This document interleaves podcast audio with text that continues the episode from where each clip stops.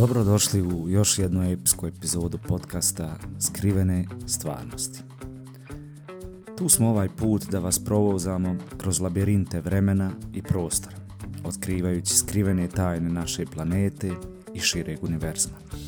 Zapamtite, treba da se zabavite dok uranjamo u dubine geoloških misterija, slobodno se opustite. Ovo nisu horor priče, mada cuko pobjegne u kolibu kada me čuje, ali to je možda samo radi mog glasa. Pripremite se za putovanje kroz vrijeme, jer ćemo istražiti kako su milijarde godina izgubljene, ostavljajući nas da se pitamo gdje je nestalo sjećanje na planetu Zemlju kada je bila beba. Zaronimo u tajanstvene priče i otkrimo fascinantne istine koje leže iskrivene u sedimentima vremena doživite uzbuđenje i intrigu, dok istražujemo drevne tajne u novoj epizodi Skrivene stvarnosti, izgubljene godine zemlje.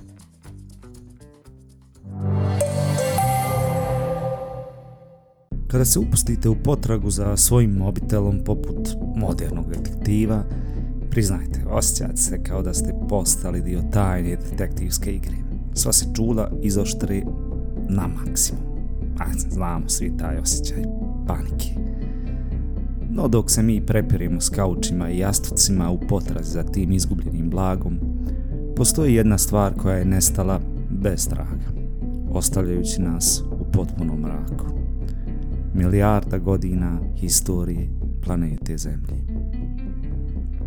Da budemo jasni, milijarda godina nije samo slučajan izgubljen broj. To je gotovo četvrtina vremena koje je naša draga zemlja provela na kozmičkoj pozornici. No, kao da je učinjena neka magija, ta ogromna praznina uspjela se sakriti od nas. Skrivena u fosilnom zapisu, koji geolozi nazivaju velika nekonformnost. Pa hajmo malo da se zabavimo, istražimo i otkrijemo gdje se tačno skriva naša milijardica godina. Zamislite samo da izađete vani s lopatom i počnete kopati. Prvo biste našli neke ostatke iz 90-ih, poput floppy diska, možda i neku zaboravljenu disko kuglu iz 70-ih. Ali što dublje kopate, to u stvari postaju stari.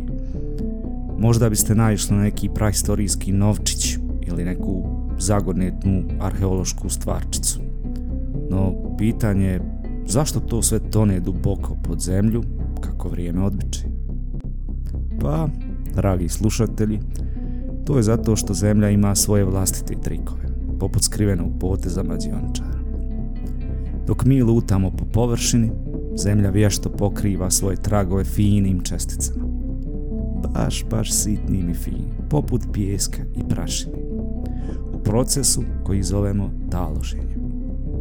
Zatim, kao pravi majstor građevine, počinje cementirati te čestice zajedno, stvarajući slojeve stijena. Kao da slažemo slojeve kolača, jedan na drugi i tako dalje. Dok ne dobijemo svoju kreaciju, bez trunke pudinga unutra. Ali tu nije kraj, dragi slušate. Jer dok zemlja radi svoje građevinske podvige, životinje imaju svoje vlastite načine da se uvuku u našu priču. Kao pravi glumci u teatru života i smrti, životinje prepuštaju svoje mekane dijelove na milost i nemilost prirodi. Kao i mi ljudi. Dok se tvrdi dijelovi poput kostiju i školjki lagano ukopavaju u zemlju. Vremenom voda prolazi kroz ove dijelove, kroz grobove, stijena razgrađuje ostatke i oblikuje ono što mi zovemo fosili. No, dragi moji detektivi, nemojte pomisliti da su fosili kao samo kameni prikazi onoga što je nekad bilo. Fosili nam otkrivaju mnogo toga o prošlosti zemlje i života na njoj. Fosili nam pomažu da pratimo kako su se organizmi razvijali kroz milione godina. Gledajući promjene u anatomiji i fizici, živih bića kroz vrijeme, možemo bolje razumjeti kako su se prilagođavali različitim okruženjima. Daju uvid u prošle geološke prirode, uključujući informacije o klimatskim uvjetima, geografskim promjenama, i sastavu staništa u prošlosti. Mnoge vrste koje su živjele u prošlosti su izumrle, ali su ostavile svoje tragove u fosilnim zapisima. Proučavanje ovih organizama omogućava nam da bolje razumijemo raznolikost života kroz vrijeme i faktore koji su doveli do njihovog izumiranja. I dok se mi divimo ovom prirodnom spektaklu, ne možemo zaboraviti da je ova praznina u povijesti više od šale ili trika. To je misterija koja nas je fascinirala već stoljećima. Mi se zavlačimo u slojeve stijena poput arheoloških detektiva, otkrivamo tajne naše prošlosti. Jedan sloj stijena, jedna priča. To je poput pretraživanja vlastite povijesti kroz ormarić s uspomenama. Samo što su naše uspomene ovaj put isklesane u kamen. Kada promatramo stratigrafiju, kao da gledamo Netflix seriju. Svaki sloj je nova epizoda, svaka stijena je nova priča. Ali dobro pratite. Složit ćete sve komadiće slagalce historije, jer kako kažu, što je niže na stijeni, to je stijena starija. Ali kao u svakoj dobroj seriji uvijek postoji iznenađenja i neki plot twistovi. Nažalost, ne možemo uvijek računati na predvidljivu radnju. Dok se na jednom mjestu slojevi grade, na drugom se promijene vremenski uvjeti i radnja se prekida kao da je neko pricnuo pauzu na snimanju.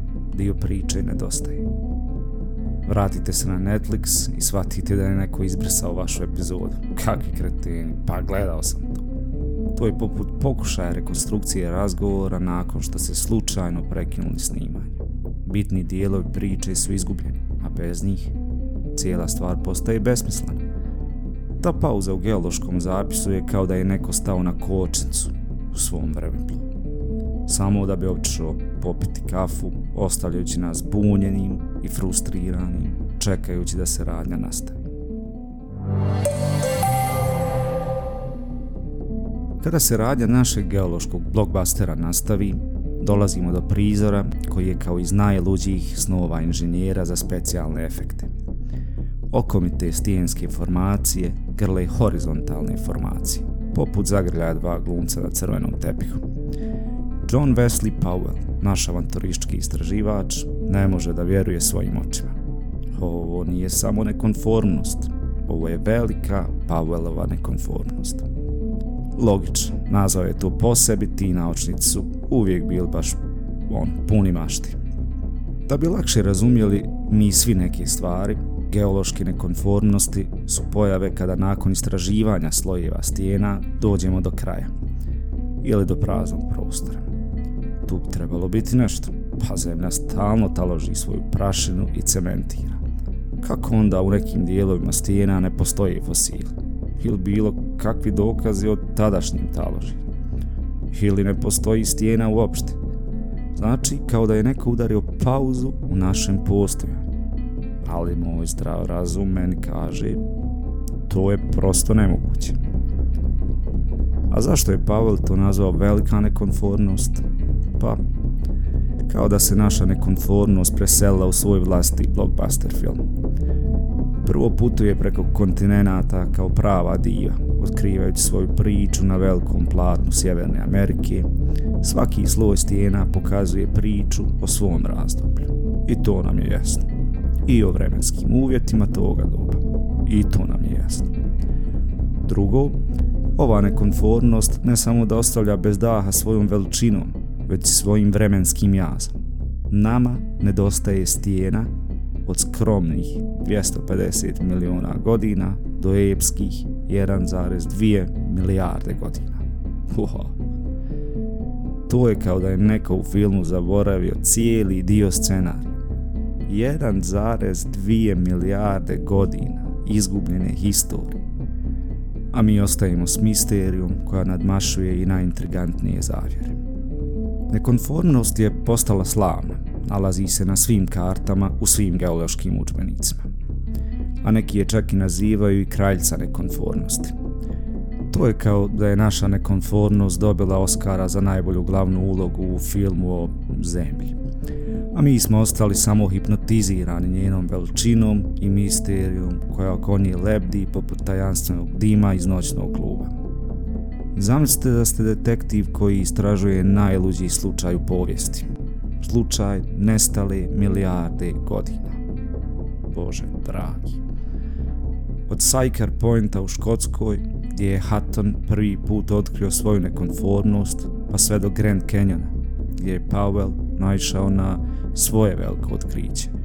Ova misterija obuhvata cijelu planetu i preko milijardu godina izgubljenog znanja. Ali nemojte misliti da je ovo samo znanstvena zavrzla. Ovo je zapravo kao da pratimo tajanstvenu priču s elementima trilera, avanture, pa čak malo i fantazije. Uzmimo samo Grand Canyon, stari hrabri tipic pješčenjak iz doba kambrijskog razdoblja. On sjedi nevino na vrhu baznih stijena, starog prekambrijskog diva koji se krije ispod. Ali pazite, ovdje je kvaka. Između njih vremenski jaz je od 1,2 milijarde godina. Gdje se stijene nisu taložile? Šta, tada nije postojala prašina? Ne razumijem. To je poput priče iz znanstveno-fantastičnog romana, otkriti da su dvije stijene zagrlile se preko ogromne praznine u vremenu preko ničega. Da se razumijemo, nije to baš preko ničega. Cementirani ostaci postoje između te dvije stijene, ali ne odgovaraju vremenskim dobima. Hoće li naši detektivi uspjeti razotkriti tajne ove misteriozne prolaznosti? Pa samo naprijed. Nije još kraj naše priče. Ne, daleko od toga. Naša istraživanja vodi nas preko cijelog svijeta, od Grand Canyona do Ozark visoravni u Missouri, gdje se događa skoro identična stvar. Starije stijene udobno sjede na vrhu mladih, ne mareć za ogroman jaz u vremenu koji se nalazi između njih. To je poput svjetske turneje tajanstvenih fenomena, a mi sjedimo u prvoj klasi. Ali uistinu, stvarno, šta se ovdje zapravo događa? Jedna teorija poznata kao snježna zemlja ima odgovor. Govori o vremenu prije 650 miliona godina. Kada je naš planet bio prekriven ledenjacima i ledenim listovima, poput zaleđenog pakla. Zaleđeni pakao vjerovatno nije baš dobra metafora, ali šta je tu im? Ledenjaci poput divovskih bagera sjeckali su i preoblikovali površinu zemlje ostavljajući za sobom ogromne praznine u stijenama, koje sada pronalazi. Ali onda se dogodio jedan obrat. Kada su ti ledenjaci počeli da se tope kroz određen period godina, donijeli su sa sobom minerale koji su stimulirali procvat života kakav svijet nikad ranije nije vidio. To je poput pravog hollywoodskog preokreta. Tama pretvorena u svjetlost, a misterija postaje avantura.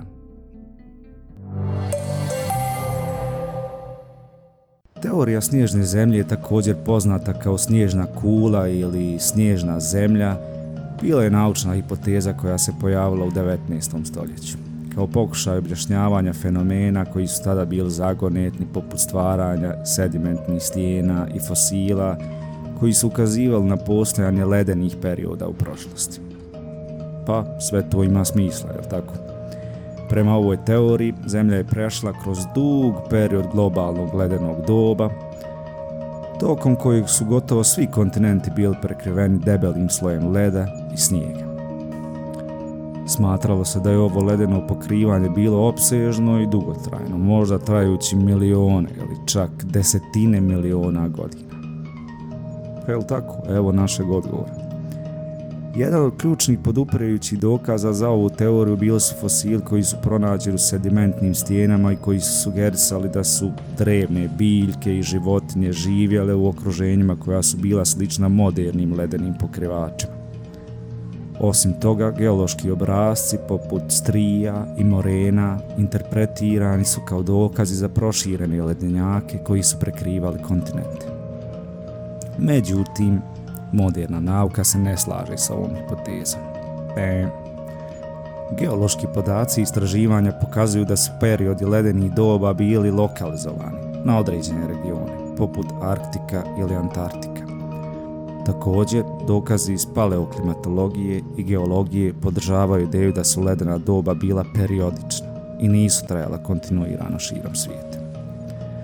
Čini se da su promjene u orbiti Zemlje poznate kao Milankovićeva ciklična variacija igrale ključnu ulogu u pokretanju i završetku ledenih perioda.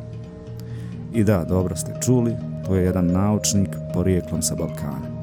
Dakle, iako teorija snježne zemlje je bila zanimljiva hipoteza u svoje vrijeme, ona nije podržana modernim geološkim istraživanjima i znanjem o paleoklimi. Umjesto toga, moderna nauka nudi složenije objašnjenje za ledena doba i geološke procese koji su oblikovali zemlju tokom njenog dugog evolutivnog puta. Ali čak i ta složenija obrazloženja nauke ne odgovaraju na naše pitanje.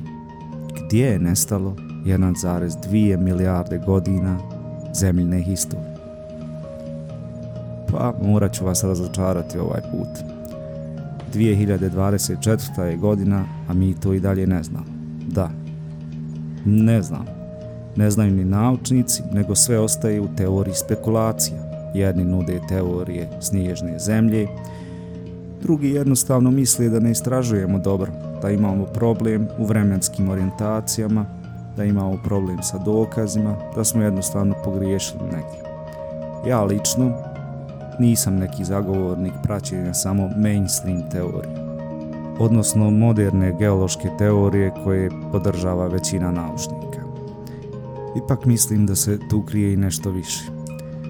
Postoji i par alternativnih teorija koje bi možda mogle da ponude odgovor. Jedna od njih je teorija Grahama Hancocka, koju možemo poslušati nekada poslije. Ali činjenica jeste da mi i danas dan ne znamo odgovor. Nažalost, ovaj put vas moram ostaviti ovako. Nemam drugog izbora, jer odgovor ne zna niko. Hvala vam puno što ste i ovaj put bili sa nama.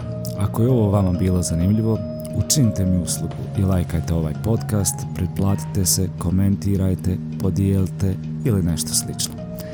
To stvarno pomaže malom kanalu kao što je ovaj i koji tek kreće i do sljedećeg puta stisnite zube za još jednu zanimljivu priču.